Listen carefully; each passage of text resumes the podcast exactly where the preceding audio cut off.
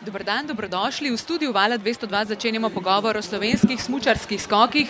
Bodo tudi letos v svetovnem vrhu. Jaz sem Anja Hlača Ferjančič, moji gostje pa so eh, Robert Kranjec, smučarski skakalec, nekdani svetovni prvak v poletjih, orel v zraku in na tleh, eh, najbrž da se ga še spomnite eh, v orlovi preobleki iz plenice, s tisto glavo bi danes zelo težko nosil radijsko kombinacijo.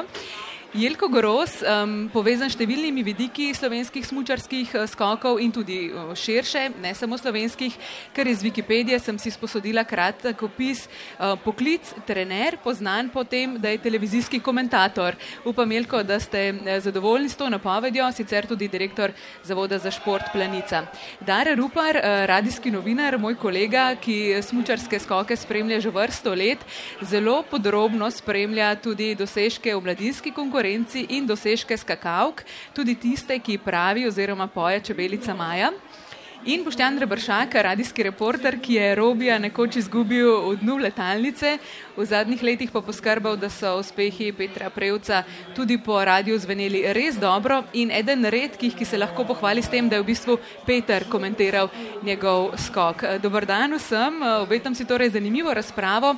Najprej Robijo čisto na kratko o tem, kako je z vašim kolenom. Tukaj si lahko obiskovalci dejansko pogledajo, da srednje dobro, ne? Um, lepo zdrav sem skupaj. Ja, kolen je super, operacija je uspela, um, utekline skoraj ni več, tako da um, hladim, delam vaje, tako da zelo dobro napredujem. Fino, um, tole danes pa je um, kaj, bolj moteč dejavnik ne, v procesu vrnitve, ampak vseeno hvala, da ste prišli. Um, pa nič, um, nič tazga. No. Pač, um, mal dolgo sem se vozil, cesta je slaba, dežejo je bilo tako da. Eh, mnoga ima trda ratala, ampak vse sem jo tukaj že razmigal. Eh, Robi, rekli ste, da letos ne bo skokov za vas, eh, dobesedno v letošnjem koledarskem letu ne več. Kdaj načrt nazaj na skakalnice? Um, Še v zimi ali zanesljivo ne na sneg? Je pač pred rehabilitacijo za to vrsto poškodbe je pač v 4-6 mesecev. Pač tukaj treba vzeti si cajt, ker se mora vse zarast. Um, ker je pač to zvrtano v kost noter in more pa red. Zdaj bomo videli, napredujem zelo hitro, res nevariten. Tako da ne vem, pustimo čas v čas. Um, ne bi pa rad šel prehitno skakalnico, ker se je veliko že naredil, da pač kaj enkrat smuča za grab, uh, če to ni orang po celem, pa je potrga vse, kar je v koleno, to pa ne predežuje. Tudi mi ne bi radi tega. Um, um, sezona je pred vrati. Um, vi ste vsi štirje zelo pozorno spremljali pripravljalno obdobje, bili ste tudi del tega pripravljalnega obdobja. Um, kakšno je bilo? Je bilo takšno, da bodo lahko slovenski smučarski skakalci, vaši kolegi, robi ostali na vrhu? Um, je, pogoje za treninge smo imeli um, odlične. Um, sploh ta zadnjo obdobje smo šli tudi na dvakrat na ledeno smočino, enkrat smo bili v Garmišu, na koncu v Obersdorfu. Um, do takrat, pač, ko sem bil jaz fanti, je bilo vse super. Um, zdaj pa v Kranu v bistvu imajo ledeno smočino, um, tako da mislim, da bo šlo vse po načrtih. Dare, tudi ti si bil um, seveda v, v navezi ne, s fanti, s trenerji. Um, kaj v tem pripravljalnem obdobju ti zbuja optimizem, kaj morda skrbi? Sam bi rekel, da točno tisto, kar je rekel že Robi. Eh, vse skupaj se začenja v smučarskih skokih pri nas in vse skupaj se pri nas tudi končuje. Kran na začetku julija in planica eh, na koncu marca. To pomeni, da smučarski skoki imajo, eh, slovenski smučarski skoki izjemen pomen tudi v svetu. Torej, tisti, ki dajo tekme, to bo tudi Jelko najbolj, najbolje vedel, zaupajo slovencem kot prirediteljem in pa dobro vedo, da na teh eh, predstavah in na teh tekmovanjih bo tudi ogromno ljudi. Konec koncev v Kranju, v prvem vikendu uh, julija, ko večina razmišlja, kako bo čim prej pobegnila na morje, uh, pride 1000-1500 ljudi. Uh, nekaj neverjetnega, ko pogledamo druge športne dogodke v Sloveniji med letom. Uh, nogomet, uh, rokomet in te velike stvari Eh, na ligaških tekmovanjih se igrajo pred 200-300 ljudmi, mednarodne tekme pa konec koncev eh, zadnji rokometni derbi eh, v vseh ligi, mednarodna zadeva, 1200-1500 ljudi v velikem celskem Zlatorogu In smučarski skoki pri nas, če smem še to reči, športni novinari sedaj pravimo nogomet in šport, nekdaj smo rekli šport in šah. Pri nas bi z lahkoto rekli tudi smučarski skok. In šport. Uh, Jelko, kaj v tem pripravljalnem obdobju je bilo uh, takšnega, kar uh, daje slutiti, da bo to še ena izjemna sezona za slovenske smučarske skakalce? Najprej to, da uh, zelo veliko skakalcev naših se zamenja v kvaliteti, se pravi znotraj leta imamo, uh, znotraj leta imamo znotraj leta imamo več vrst tekmovanj, od FIS tekem do kontinentalnega pokala in na koncu tudi do uh, Grand Prix poleti. In uh, različni tekmovalci so v posameznem obdobju dobri. S tem, da moramo vedeti, da uh, slovenski pristop k sezoni ni, da je poletna sezona v prvem planu, ampak je zimska sezona v prvem planu in naši kondicijski trenerji zelo velik poudarek dajo, da poleti napolniš baterije z dvema močnima vložkoma in uh, to, kar narediš polet, nekako po zimi uh, lahko potem uh, vzdržiš celo sezono, kaj ti če mečken uh, polet zrelaksiraš oziroma spravaš takoj na tekmovalni nivo treninga, potem se ti zelo hitro lahko zgodi, da je sezona zate že po prvem mesecu končana, ker ne moreš več slediti z močjo. Ja, to je škoda. Boštjan, če se malce pošalim, eh, ti si bil eh, na treningu še tedaj, ko robija več ni bilo, ne? tako da si še bolj ja. pripravljen na novo sezono. E, ja, včeraj sem govoril z Goranom Janusom, ki je bil najbolj navdušen, ko imamo v mislih celotno pripravljalno obdobje na to, da je imel letos ogromno treningov na ledeni smočini. Robi bo vedel, kaj pomeni ta prehod iz keramike na ledeno smočino. Jelko, pa mislim, da je kar prava istočnica. Pričakovali smo, morda, ne, da bi pa ratalo tudi pripraviti še sneg. Ta planica je nekako koncept bil takšen, da se tisti sneg, ki je poleti v garaži za tek na smučeh, prenese na skakalnico, ampak na koncu koncev je tudi Goran izpostavil, da najbolj pomembno pa vendarle je to, da eh, je smučina ledena še bolj kot da je doskočišče belo. Ja, lansko leto uh, je bilo prvič, da smo v Kranju uh, zamrznili tudi ledeno smučino. Uh, odločili smo se lansko leto že zaradi tega, ker Nemci zadnjih 14 dni pred svetovnim pokalom Obrzdorf zaprejo samo za sebe in ne spustijo nobenega drugega na skakalnico. To, to je ta možnost, ki jo posamezniki imajo. In uh, tak, zato smo lansko leto poskusno to naredili. Uh, lansko leto je, smo planica je posodila stroj, ki je proizvedel sneg in tega si izvozili uh, na skakalnico. Letos smo še bolj poenostavili, je sneg prišel iz uh, ledene dvorane v, v Kranju na skakalnico in sedaj to funkcionira.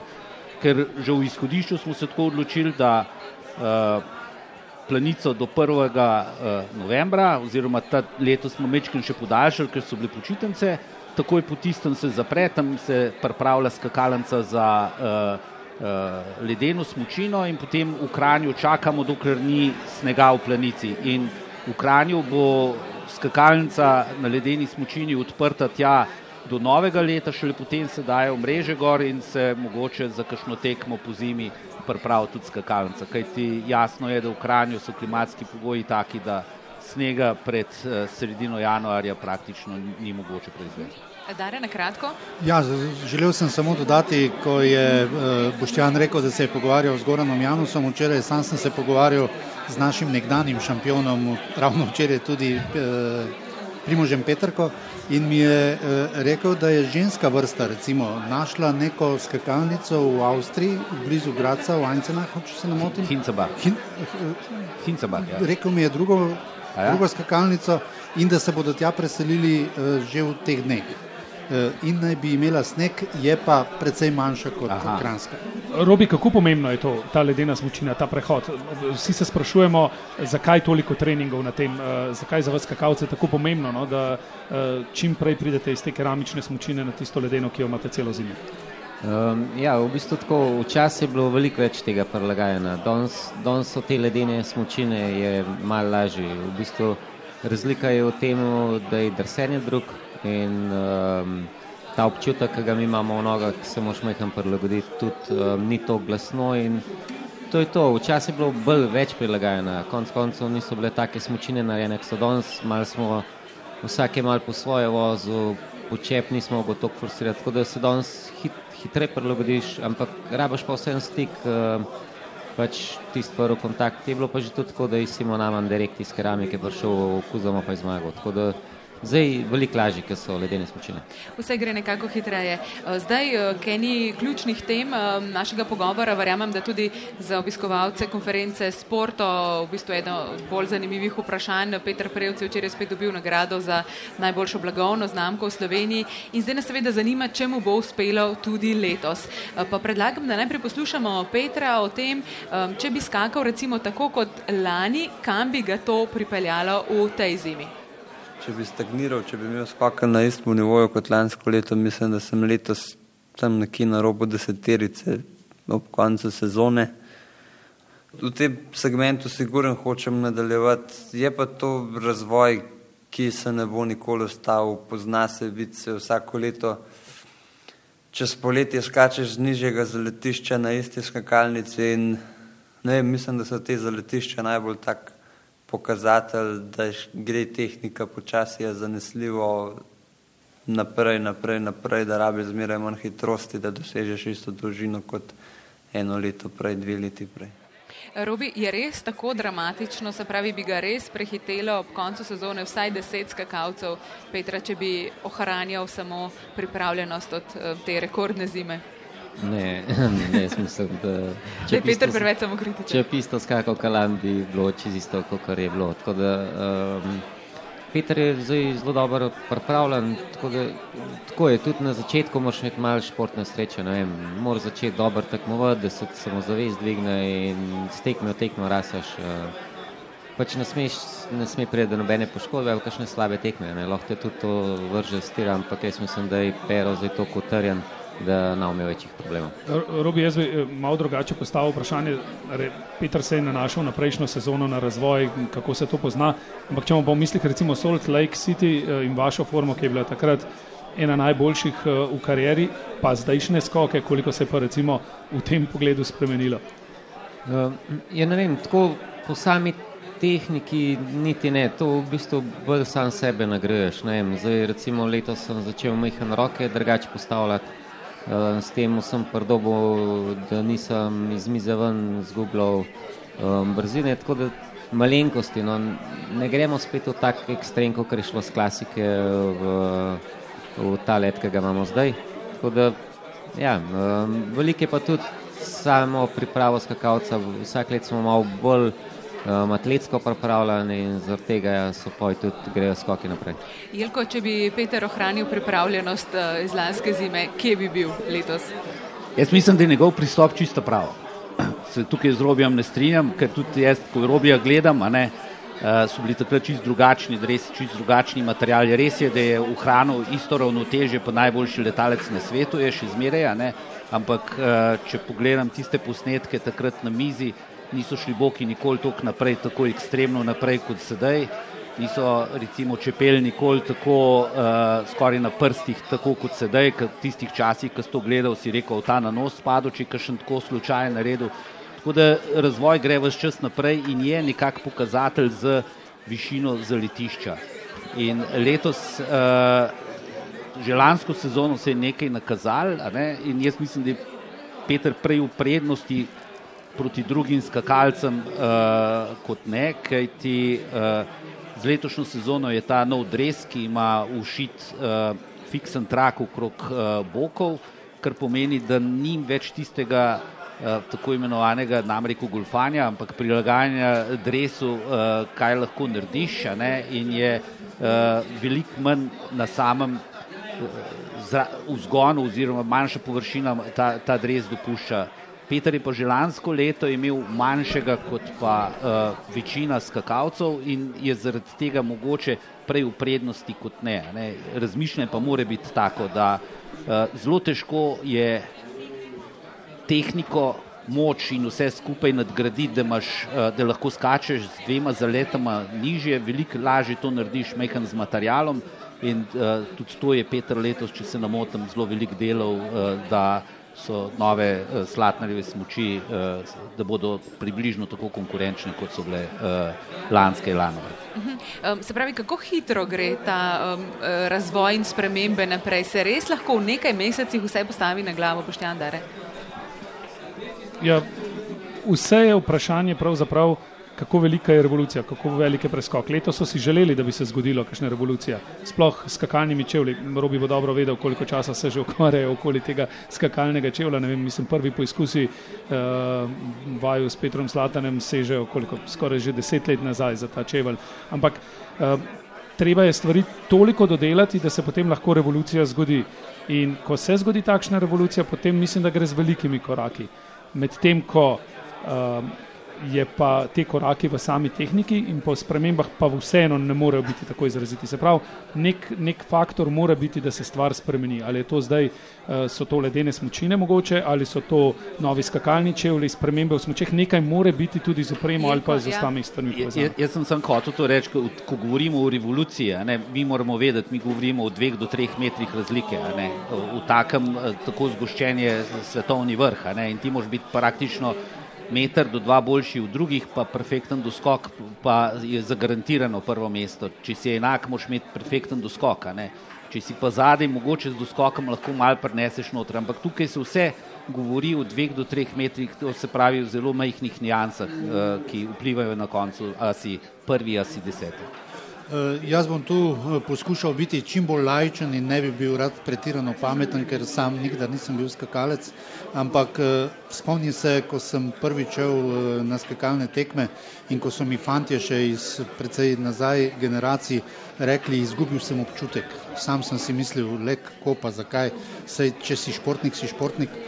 Jaz predvsem upam, da Petr tega občutka ni izgubil, da ima to v sebi, da enostavno je dobro voden in da uh, bo oddelal tako, kot je potrebno.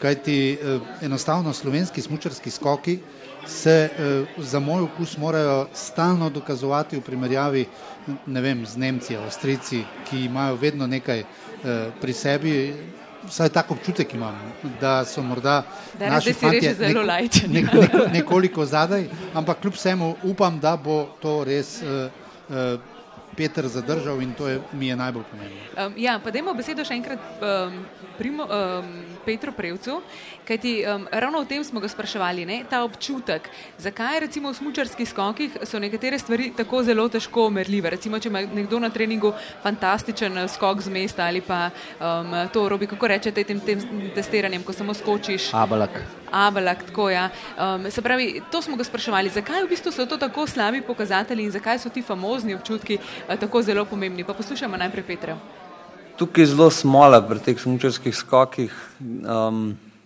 da jih tudi grilci ja nikdaj ne zastop, pa že zelo dolgo um, v tem športu. Ta šport je tak, da ti gre, da ti lahko gre zelo dobro, pa ne veš, zakaj ti gre dobro. Lahko ti gre zelo, zelo slabo, pa sploh veš, ne, kaj delaš na robe, mislim, sploh ne znaš popraviti tisto, kar delaš na robe. In tudi ti fizični, številčni podatki, ti čisto ne pridejo poštev, vsaj to, kako boš ti v tehniko spravil.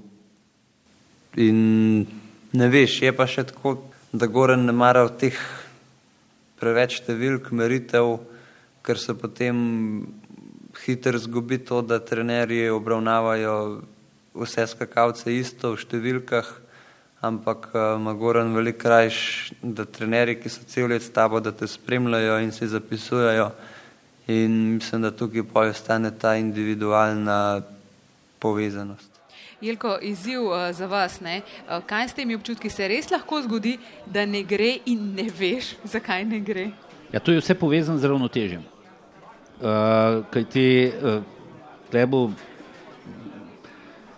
Robi še veliko lažje povedal, kako je počep včasih občutek, ko se peleš popolnoma enaka, ne? pa iz tistega počepa potem najprej podreš vso fizionomijo počepa, pa poskusiš nekaj narediti, pa vse z drugim delaš samo uh, porineš ne z nogam. Kaj ti uh, nekako tako je, ne? zdaj bom preprost poskusil povedati, tukaj govorimo o procentih. Če si ti za 10% porušil ravnoteže, pa to je zelo malo, kar sem rekel zdaj, samo za 10%, uh, pa ti skačeš uh, tri metre v dolino z mesta, drugače imaš moči za tri metre, pomeni, da si skočil samo 2,70 m.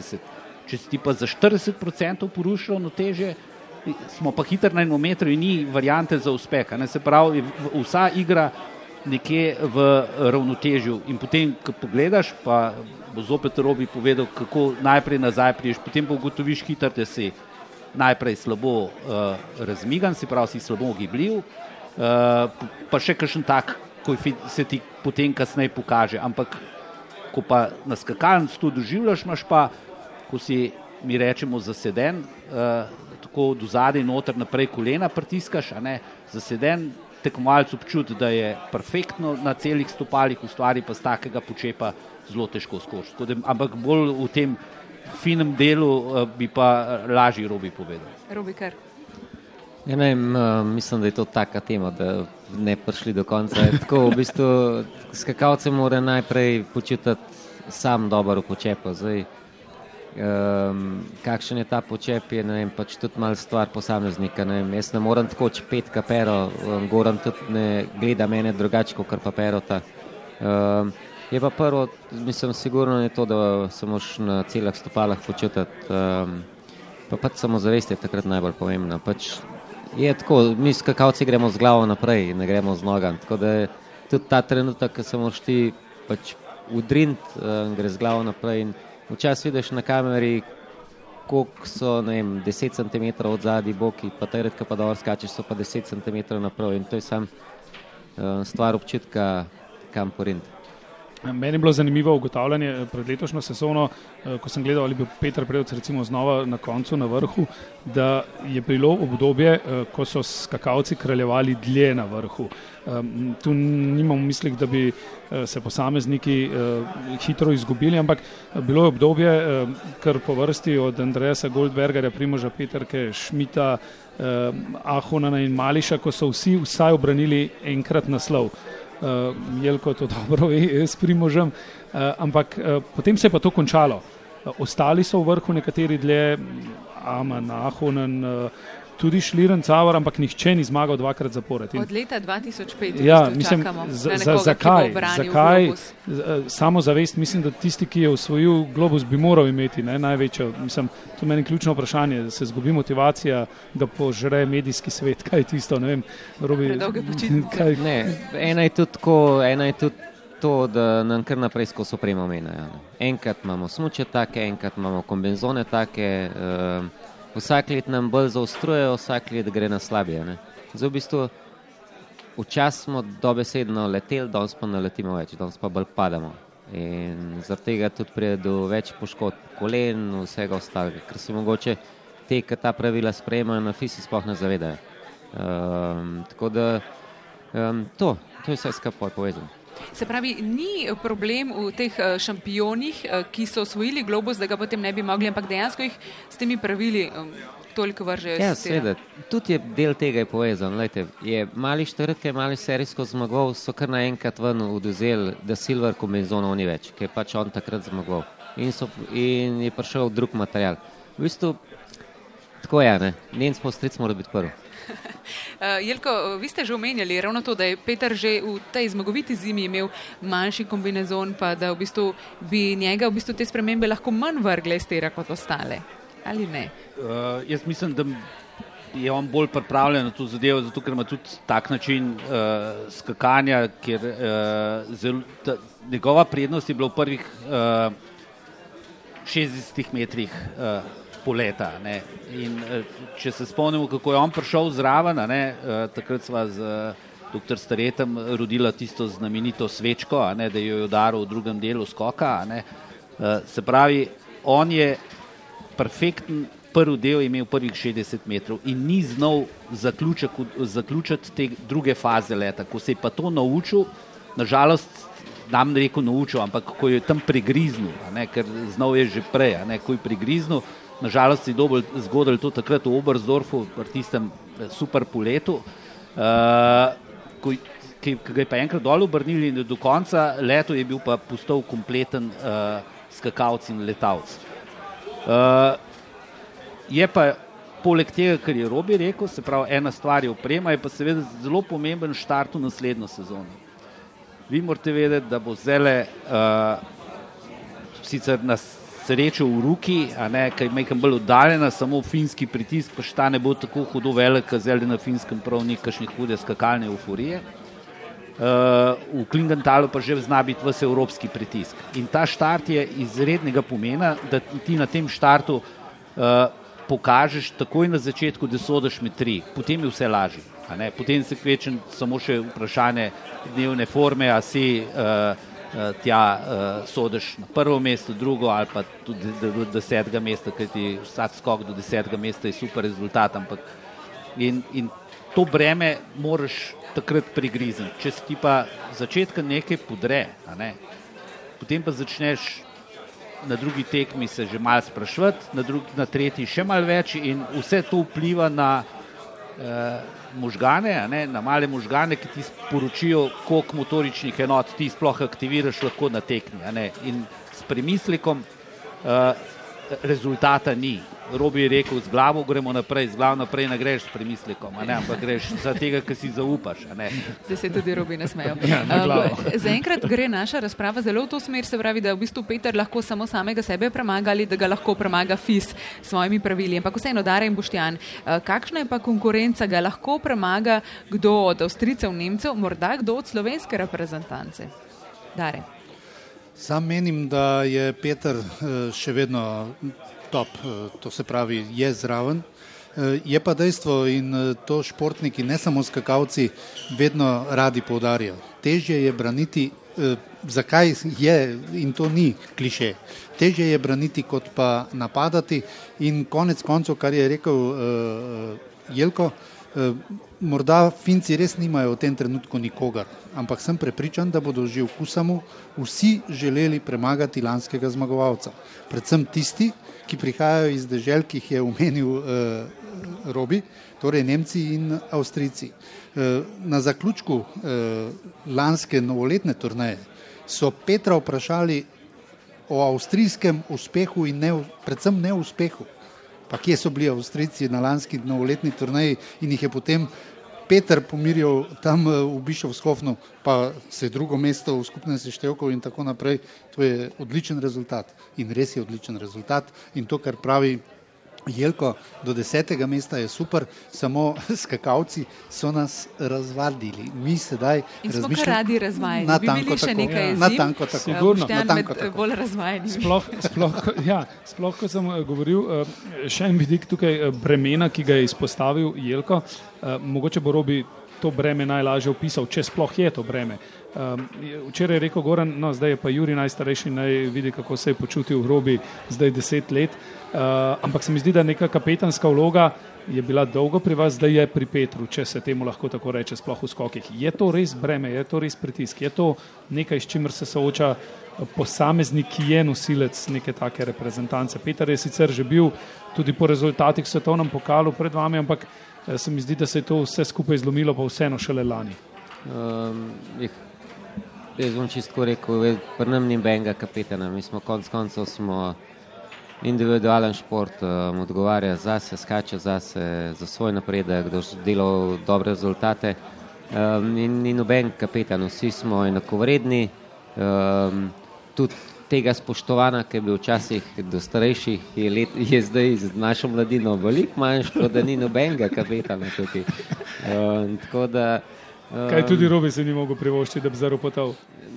Nah, sem se navadil, da sem rajker tih. Um, tako da mogoče edin daj na kakšni te ekipni tekam ali pa ne vem, um, ne vem, kakšni trenutki, da daj tako, da se kaj upošteva. No. Drač pa ni to tako, kot je pol ekipnih športih. Ah, ta mladina. Moram reči, da ravno na Robija se bom sedaj navezal po, eh, mislim, da uh, ekipni kolajni olimpijski, ko so prišli nazaj iz Amerike, uh, pa pridem do Robija, pa bravo Robi in to in ono. In znova sem bil presenečen, saj je kolajna, ni pa individualna. In ta uh, individualni pristop, tudi pri Petru, konec koncev, uh, v Bišovskofnu, ko sem ga spraševal, koliko mu pomaga uh, preostali del ekipe. Na vrhu si sam, na odskočnem pomolu si sam. V počepu tudi sam, ne? Na tanko tako in z, glavo, in z glavo naprej si tudi sam. Ampak na razpredelnici pa ni nujno, da si sam. Primoš je bil takrat sam, pa je še kako pogrešal, vem, eh, potem Peter se je kasneje priključil žonta, pa Robi je prišel recimo tudi že v, v Salt Lake City, vem, ampak takrat je bilo pa primožove tiste prevlade že konec, ne, je pa fino, če je še kdo okoli tebe, ne, mislim, govorimo ja v individualnem športu, ampak vseeno pa je lepše, predvsem pa precej laže, če nisi sam, ne. Tu je, tu je treba tako pogledati, ne, v zabojniku, tem se tekmovalci preoblačijo, je tako pride cela ekipa, ne? in potem eni odpadajo v kvalifikacijah, eni po prvi seriji, in nekateri grejo v finale. Ne? In cela ekipa, recimo trenerski štab, ne, šteje od 3 do 5 ljudi, ponavadi. Zdaj, če jih je 5 v finalu, se ta pozornost razdeli na pet. Če si pa sam, pa vsi hočejo nekaj dodati in je tudi že zaradi tega bolj zoprno tekmovati. da ti ostali ne pametuje. Da, da, da rabti svoj mir. Vsak bi pa rad nekaj svojega dodal uh, k, k uspehu. No, ampak vseeno, če bi zdaj morda to um, idejo individualnega in ekipnega športa vseeno malce bolj ambiciozno postavili, se pravi, uh, da niso reprezentančni kolegi tam samo za družbo, pa zato, da se malce zbadate, ker to se itak, ampak v pokalu narodov, ne, to je ena velika slovenska želja, um, načrt, tudi cilj, uh, mislim, da glavnega trenerja uh, zmaga. Torej, uh, Robi, uh, zdaj s tem vašim kolenom ne, um, se nekako zdi, da. Uh, je ta cilj spet malce bolj oddaljen, bom kar iskrena, se pravi, zelo vas bomo pogrešali v tej uh, bitki za naslov pokalu narodov. Kako vi gledate na to? Um, jel, pač je treba prepustiti čas v čas. Uh, mislim, da vse, če bojo fanti dobro začeli. Uh, z dobrimi rezultati lahko tudi ekipno posežejo do vrha, tako da tu, tukaj ne vidim nobenih težav. Um, sam lepo se mora zapeljati vse. Ja, se mi zdi, da uh, se nasploh podcenjuje ta pokal narodov. Jelka, takrat, ko ste imeli primoža, verjetno o tem sploh ni bilo moč razmišljati, uh, da, bi, da bi Slovenija uh, ali pa morda kasneje, no, še potem, da bi pa Slovenija bila prevladojoča nacija. Mislim, to pomeni še nekaj drugega v športu, kot imeti samo najboljšega posameznika. Uh, prvi bi robil nam, rekel, majhen dodal njegovih. Mi bomo pogrešali vsekako letošnjo sezono njegovih 400 točk najmanj iz poletov, a ne, ker tukaj približim bi jaz oceno glede na to. Jel, če bi videl, da se ne sledi skakati. Šest, šest tekem 400 točk, pa globus. Robi bo pa globus pogrešal. Tako da, uh, to sem hotel reči, ne, ker on je vedno v svoje zelo velik delež dodal uh, na poletjih. Uh, drugač pa ekipno ne moreš ti posež po vrhu, če nimaš tri stalne, ki se ti vrščajo med uh, deset, in pa še tri, ki občasno pobirajo točke, te ostale, te se pa lahko tudi mečkrat mešajo med seboj. Zato je potrebno da ekipo v dolgem času zgradiš, ne da ti imaš prebliske posameznikov, ampak eh, da, da jo zgradiš. Edare imamo teh tri krat tri. Ja. Sam bi sedaj rekel, da bomo sigurno pogrešali Robijeve točke, ne glede samo na polete. Robi je za moj okus bil letos eh, zelo, zelo dobro pripravljen in njegove točke bomo za moj okus zelo pogrešali. Prvič je Goran Janus eh, zares in na glas začel govoriti o tej želji zmagati v svetovnem pokalu, tudi v pokalu narodov. Kaj to pomeni zmagati v štafeti, recimo v smučarskem teku eh, švedom, norvežanom, fincem, eh, rusom, tudi italijanom? Vsi dobro vemo in na to veliko dajo. Pri nas smo morda bolj usmerjeni k individualizmu, k zmagi posameznika. Mislim pa, da če bi Slovenija uspela osvojiti pokal narodov v smučarskih skokih. To bi bila pa pika na i dokončno res temu, da so smučarski skoki pri nas v družini športov zares, zares, zares visoko in si to tudi zaslužijo. Konec koncev z celotno tradicijo, ki jo ima in planica in ne samo planica, pač pa smučarski skoki nasploh. E, Boštjan, te prosim za odgovor, če imamo tri krat tri, tri ja. in ne preusmerjajo vprašanje. Nikamor, ja, nikamor. Ja, Gor, Goran je uh, izbral ekipo ne, za začetek sezone in izpostavil tri, no, tisti prvi trije, se pravi, da trenutno v odlični formi, poleg Petra, uh, tudi Juri. In da je velik korak naprej v primerjavi s poletjem naredil Domen. Preostali trije pa ne bi bili potem imeli, bom rekel, še konkurenco v zadju, vsaj dveh do treh, se pravi, imamo tri krat tri, ne samo tri plus tri. Še tisti v ozadju, ki bodo dobili priložnost in bodo prav tako željni dokazovanja. In se mi zdi, da uh, pri, uh, to, da je v ozadju še nekdo, ki čaka na nastop, uh, vseeno daje nekaj dodatnega motiva, energije in pritiska tudi na tiste, ki niso morda povsem pri vrhu, da tudi oni morajo pač se priključiti oziroma ohraniti status, da sploh so v reprezentanci. O trenerskem štabu bi eh, še želela se pogovoriti z vami. Eh, slišali smo tudi Petra, ki je omenjal to, ne, kako um, Jani nečesa ne razume, to je bilo seveda bolj v šali, pa potem kako eh, Goran skuša ohranjati ta individualni pristop. Kako pomembna je stabilna trenerska ekipa to, da so um, na svojih mestih um, že um, toliko let, da um, ne prihaja tu do nekih drastičnih menjav, tako kot recimo v opremi, pa v pravilih, ne robi, kot pravite. Um, ja, trenerska ekipa je res odlična. Pač, um, Mal se tudi prilagajajo nam. Um, um, pač vsak, najbolj pomembno je pa to vsakmu posamezniku. Um, tako Jani, Goran, kot Karnajc, um, zelo delajo individualno z vsakmo posebej. Pač v preteklosti ko sem bil jaz na tega, ni bilo tako. Pač Tisti, ki je bil top, tam je bilo največ pozornosti, ostali pa pač po domač pojem znajce. Uh, tako da zaradi tega tudi tako uspeva. Pač, uh, zaradi tega je pa sedem ali pa šest fantov, ki je v stovem pokalu, je pač dobrih, v zadnji so pa zmer tri, ki pa borbajo. Vsem je zdaj dober skakal, pa pač, ampak so je bilo šest fantov boljših, tako da pač ostalih šest je šlo. Um, o tem, ko pravite, da je prilagojen sistem boljšemu, pa da ostali potem eh, znajdi se, eh, da je zdaj ravno javnost precej razburkala tudi knjiga Tomasa Morgenšterna, v kateri nekako um, skuša namigovati prav na to, ne, da je bilo vse prilagojeno Šlirancavarju. Um. Kolikor sem sam zasledil v tej knjigi, sam sem bil nekako prepričan, že takole, ko jih vidiš, eh, ko se sprehodita mimo tebe, da nikdar nista imela nekega posebnega odnosa, ne vem, kako je, eh, to bo Robi bolje vedel, ampak zanimivo se mi zdi, da vedno pridejo v teh knjigah potem in neke obtožbe in nekaj, neko razmišljanje. Eh, nisem pričakoval od Tomasa Morgenšterna, da bo to izpostavil, da je prišel, vem, Šlirncaueru ta zabojnik in takoj hotel biti glavni. Ne nisem pričakoval od tako izkušenega tekmovalca, kot je eh, Tomas. Eh, prepričan sem bil, da sta to rešila, ko je recimo eh, Morgenstern končal kariero eh, in ne bi izpostavljal nekaj, kar je bilo. Eh, in en in drugi sta odlična skakalca, eh, in za enega in za drugega so Avstrijci in tisti, odkudar so navijali.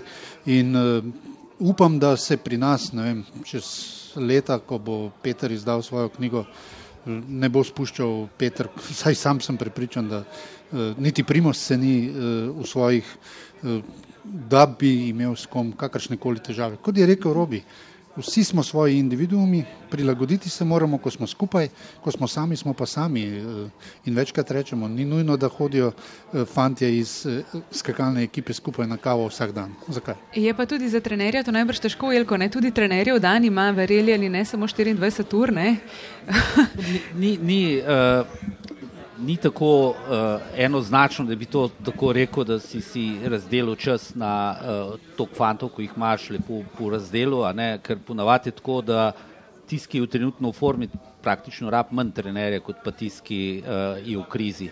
In zanimiva je prav ta teza, ne Morgensternova.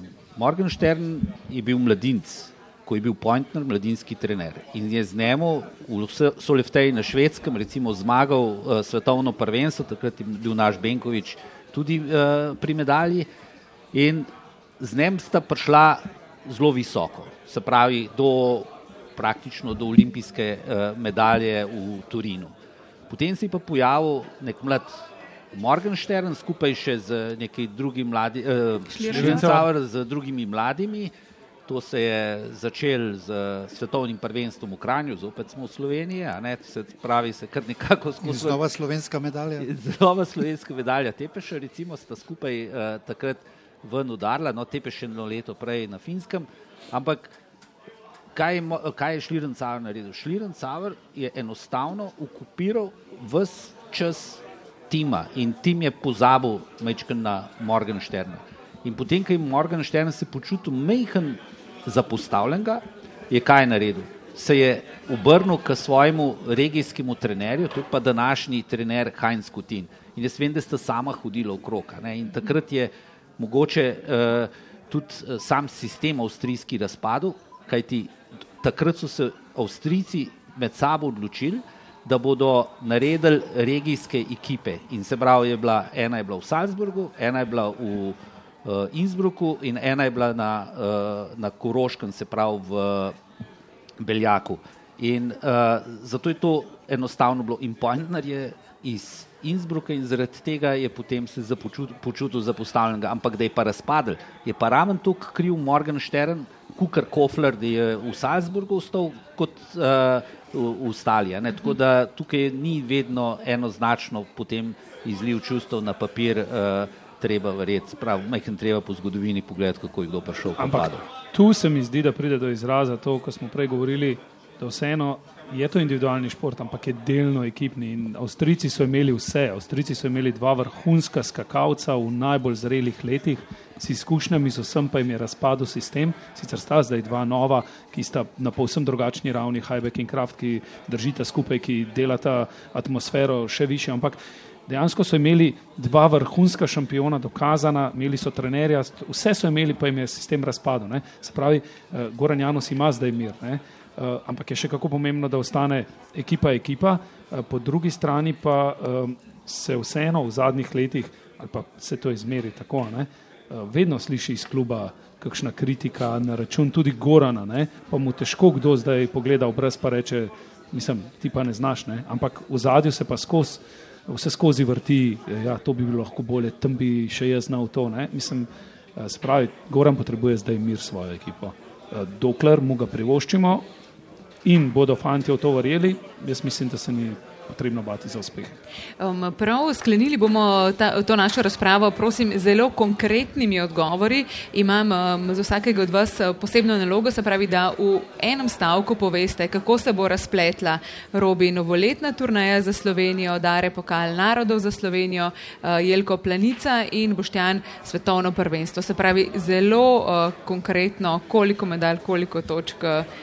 Katero mesto? Robi, ja. novoletna turnaja. Medalje so samo na svetovnem prvenstvu. Ja, ja sej za vas uh, pač novoletna turnaja, kako se um, bo razpletla? Pero bo metri. Uh, Boštjan, svetovno prvenstvo? Huh, najtežje. Peter še ni bil na zmagovalnem odru na Finskem. Uh, ne vem, morda pa presenečenje. Uh, jaz sem prepričan, da vsaj ena medalja bo. Uh, Uh, upamo na dve, ne? ali uh, pa tri. Mislim, ja, da upa na kakšno tekaško. Recimo. Ja, recimo. um, Jelko Planica. Najlažji. Uh, v planici slovenski skakalci vedno uh, dobijo še en poseben dodaten zagon, uh, uh, tako ali tako nas uvrščajo med letalski narod, uh, skakalni narod ne, in uh, računam, da bomo imeli najmanj eno zmago, pa uh, še uh, dvakrat stopničke. Anja je rekla številke metri, nas zanimajo ja, metri. metri. ja, tudi to. Uh, bom tako rekel. Tule iz morja bo zapihalo. Uh, pred dvemi leti je Peter naredil skok 248 metrov in pol s telemarkom. Uh, tako da nekaj prostora je, če bodo, če prava klima, pravo vzdušje, uh, bomo visoko dvignili roke. Spet nič o metrih. Nadare, pokal narodov. Najlažje vprašanje si dala Boštjano, ki je velik strokovnjak. Konec koncev bodo imeli tam skakalci tri tekme in uh, mu je bilo pa res lahko, da je naštel dve kolajni. Uh, ampak kakorkoli že, pokal narodov, močno si želim, da bi zadržali letošnje oziroma mesto iz zadnje sezone. Še enkrat uh, točke Roberta Kranca bodo manjkale. Se jih je samo 150. Dobro. Uh, ne, ne, to je bilo tudi preskromno. tudi teh 150 bo manjkalo, Robi, in uh, žal Slovencev v tej sezoni ne vidim med prvimi tremi v pokalu naroda. Hvala lepa vsem štirim, ko me čakamo, da se sezona začne. Um, prijetno spremljanje vam želim, čeprav to prijetno pomeni seveda tudi veliko dela za vse. Hvala lepa. Hvala, Hvala vam. Hvala.